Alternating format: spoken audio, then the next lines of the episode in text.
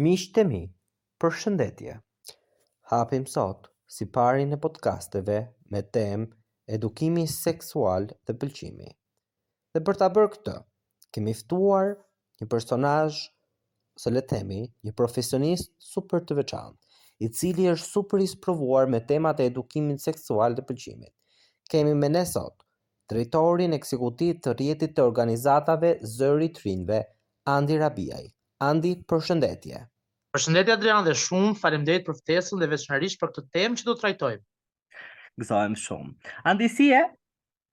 Mirë, siç e shikon kjo është periudhë shumë e ngjeshur, të dy bashkë jemi super të angazhuar, por gjithmonë me qëllime për të ndihmuar sa më shumë të rinjtë dhe për të arritur ato gjëra që ne besojmë fort.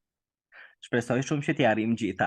Andi, do na tregosh çik se si ka nisur lidhja jote me edukimin seksual, shëndetin riprodhues, të drejtat seksuale, të drejtat e shëndetit riprodhues për dëgjuesin tonë, sepse jam i sigurt që dëgjuesi jonë, sido sigurisht që është uh, pjesa më e madhe janë të rinj, janë shumë kuriozë për ta ditur se si ke nisur ti në këtë fushë. Hapat e tu të parë, le të mm. themi.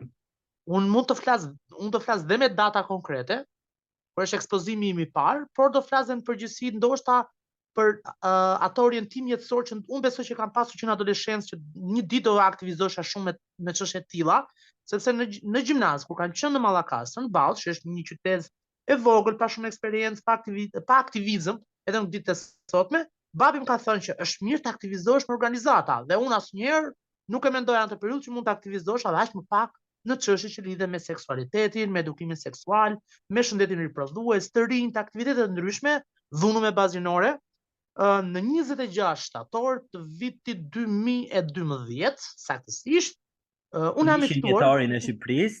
Po, unë jam i ftuar nga Fondi i Kombeve të Bashkuara për Popullsinë UNFPA, duke duke qenë duke marrë parasysh që kam një background në shëndet publik, më ftuan për një aktivitet që lidhesh me ofrimin e shërbimeve shëndetësore për ndërprerjen e sigurt të të shtatzënive. Thashë, "Ok, shërbime shëndetësore, ndërprerje shtatzënie, nuk më bënin shumë sens në atë kohë." Megjithatë pranova bashkë me klasën time që të shkojmë në këtë takim dhe më pëlqeu jashtëzakonisht shumë. Në këtë takim unë i propozoj një prej gocave të UNFPA-së sot i kam jashtëzakonisht shumë shoqe, që a mundemi ne si si klasë e shëndetit publik të bëjmë një aktivitet ku të flasim dhe të ndërgjegjësojmë të rinj për sa i përket luftës ndaj HIV dhe AIDS-it, më thanë, "Ok, çfarë të duhet?" U thashë një dy tre gjëra. Bëra aktivitetin e parë, që ishte pikërisht për HIV-in dhe dhe ndiva një lloj emocioni shumë të veçantë veten time që, "Ok, po bëj diçka." Dhe, dhe aq më pak për disa gjëra që unë nuk i dija pavarësisht background-it tim mjekësor dhe pashë shumë nga miqtë e mi mhm. ishin shumë të kënaqur.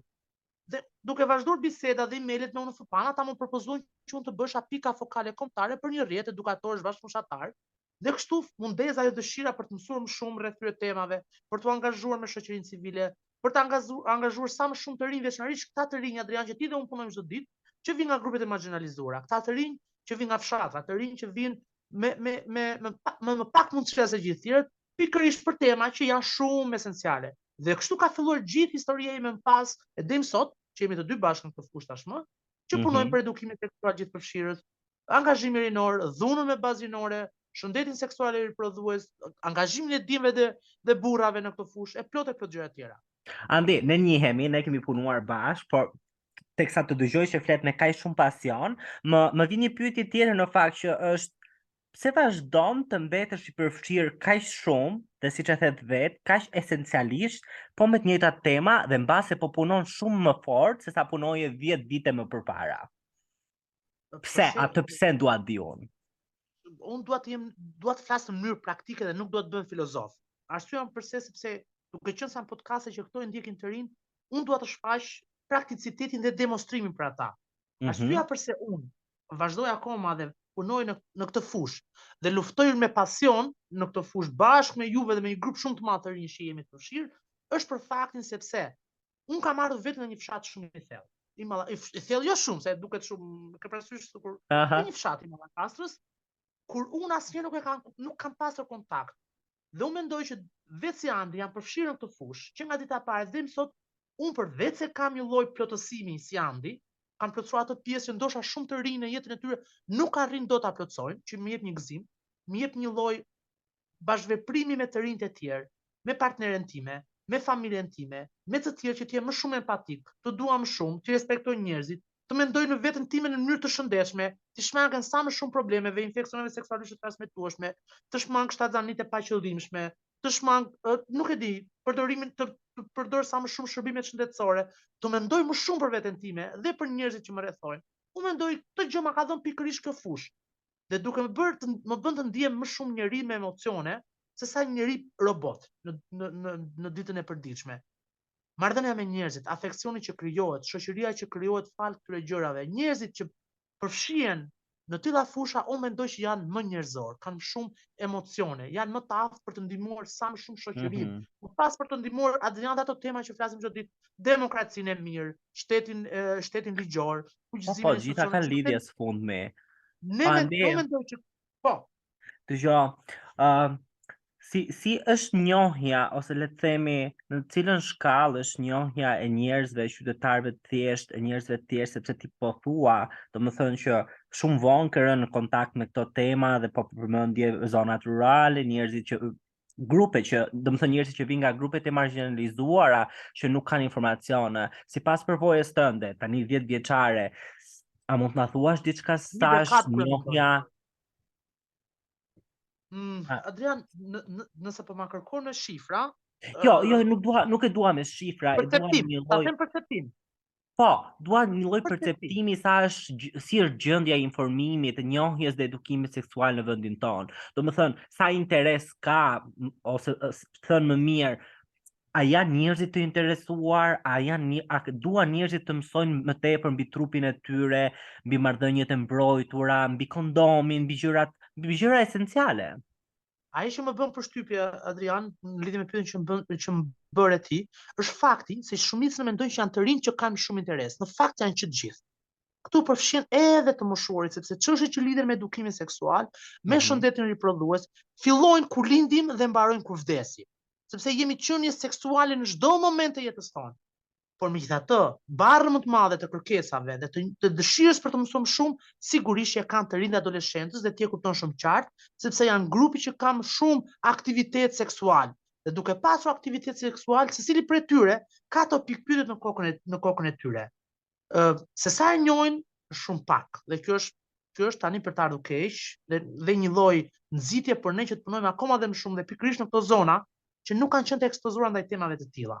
Kështu që kjo është përgjigja domethënë. Nuk kam një statistikë dhe nuk ka një statistikë as në nivel ndërkombëtar.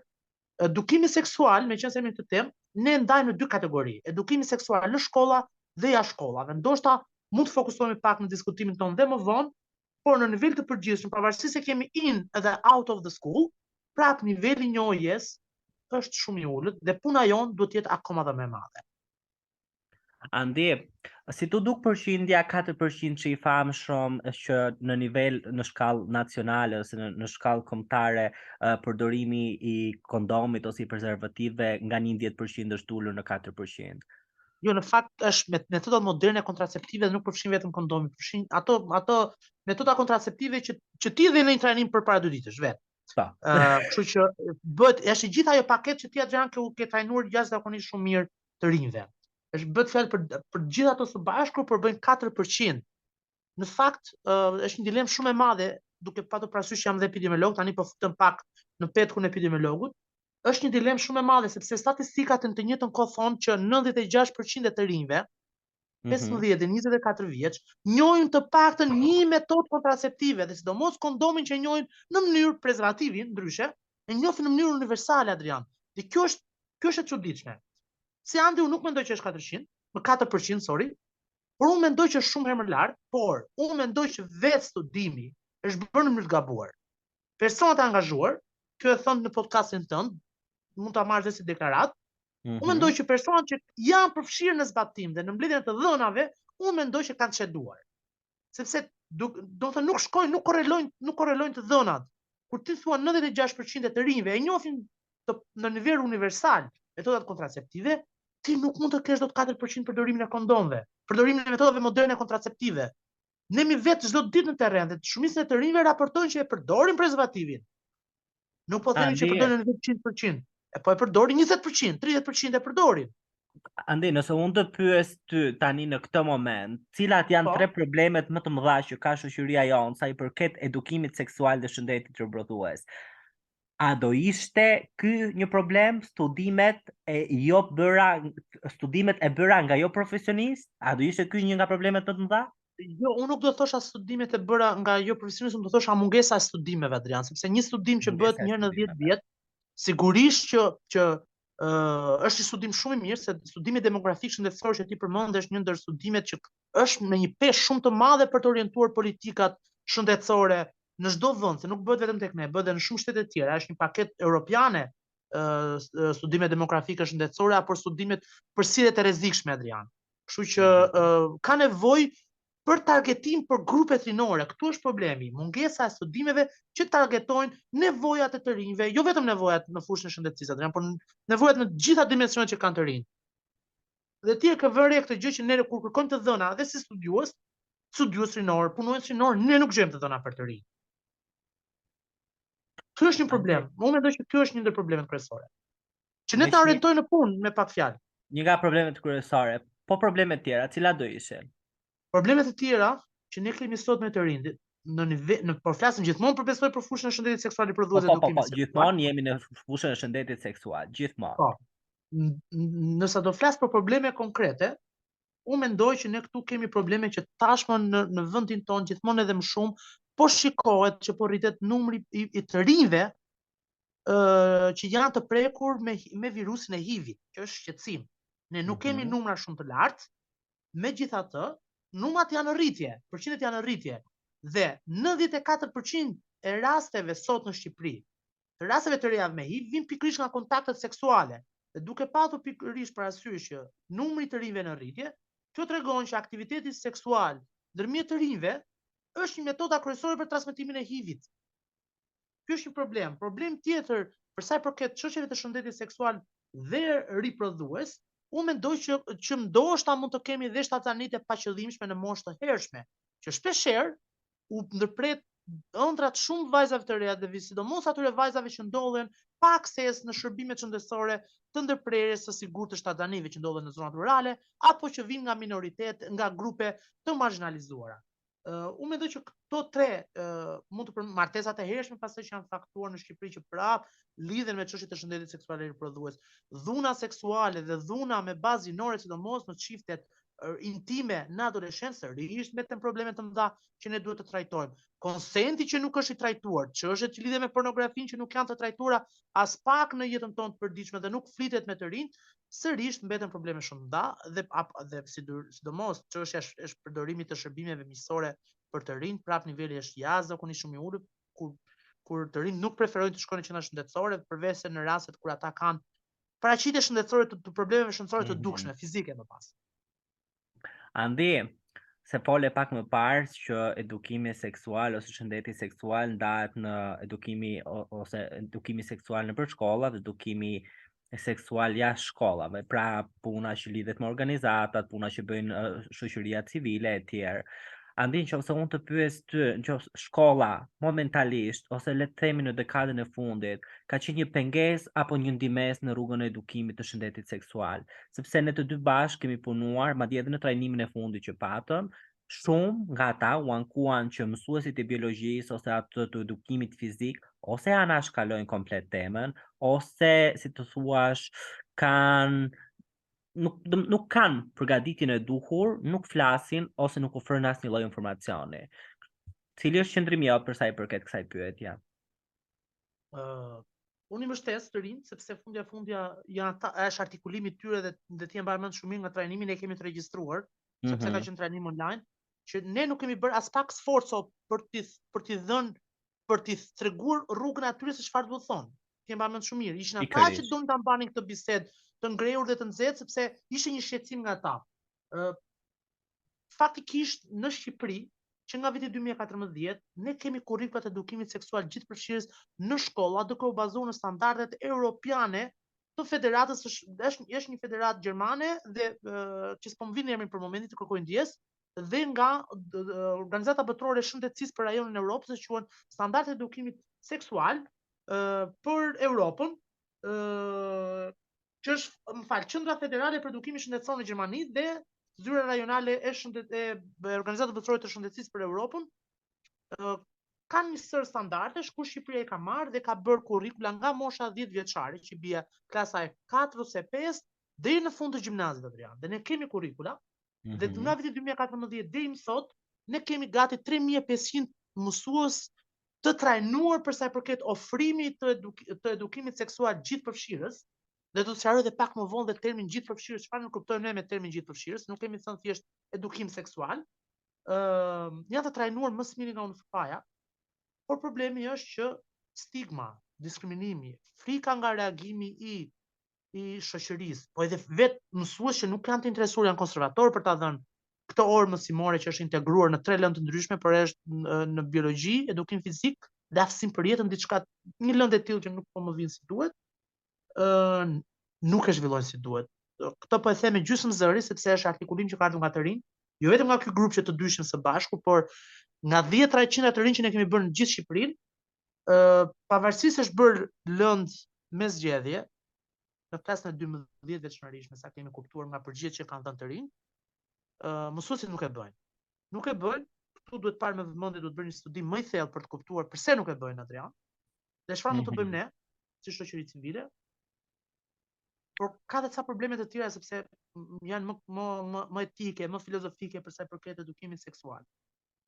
kështu që ka vend shumë për interpretim, ka vend që ne të flasim me mësues, ka vend që ne të flasim me me prindërit sepse ata duhet të jenë partnerë, duhet të flasim me qeveritë e nxënësve që ne së fundmi kemi filluar të punojmë me ata, që të krijojmë mjedisin e duhur, po dhe pse jo, domethënë edhe përsëri s'është deri në këtë moshë që kemi ta zbresim në moshën 6 deri në 10 vjeçare.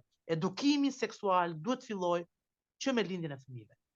Mm, o sa dakord bie, sa bukur e ke thënë, duhet fill pikërisht. Siç e the vetë në fillim ose pak më përpara që ne lindim dhe vdesim qenie seksuale, kështu që bie dakord, nuk nuk nuk mund ta thoje më bukur.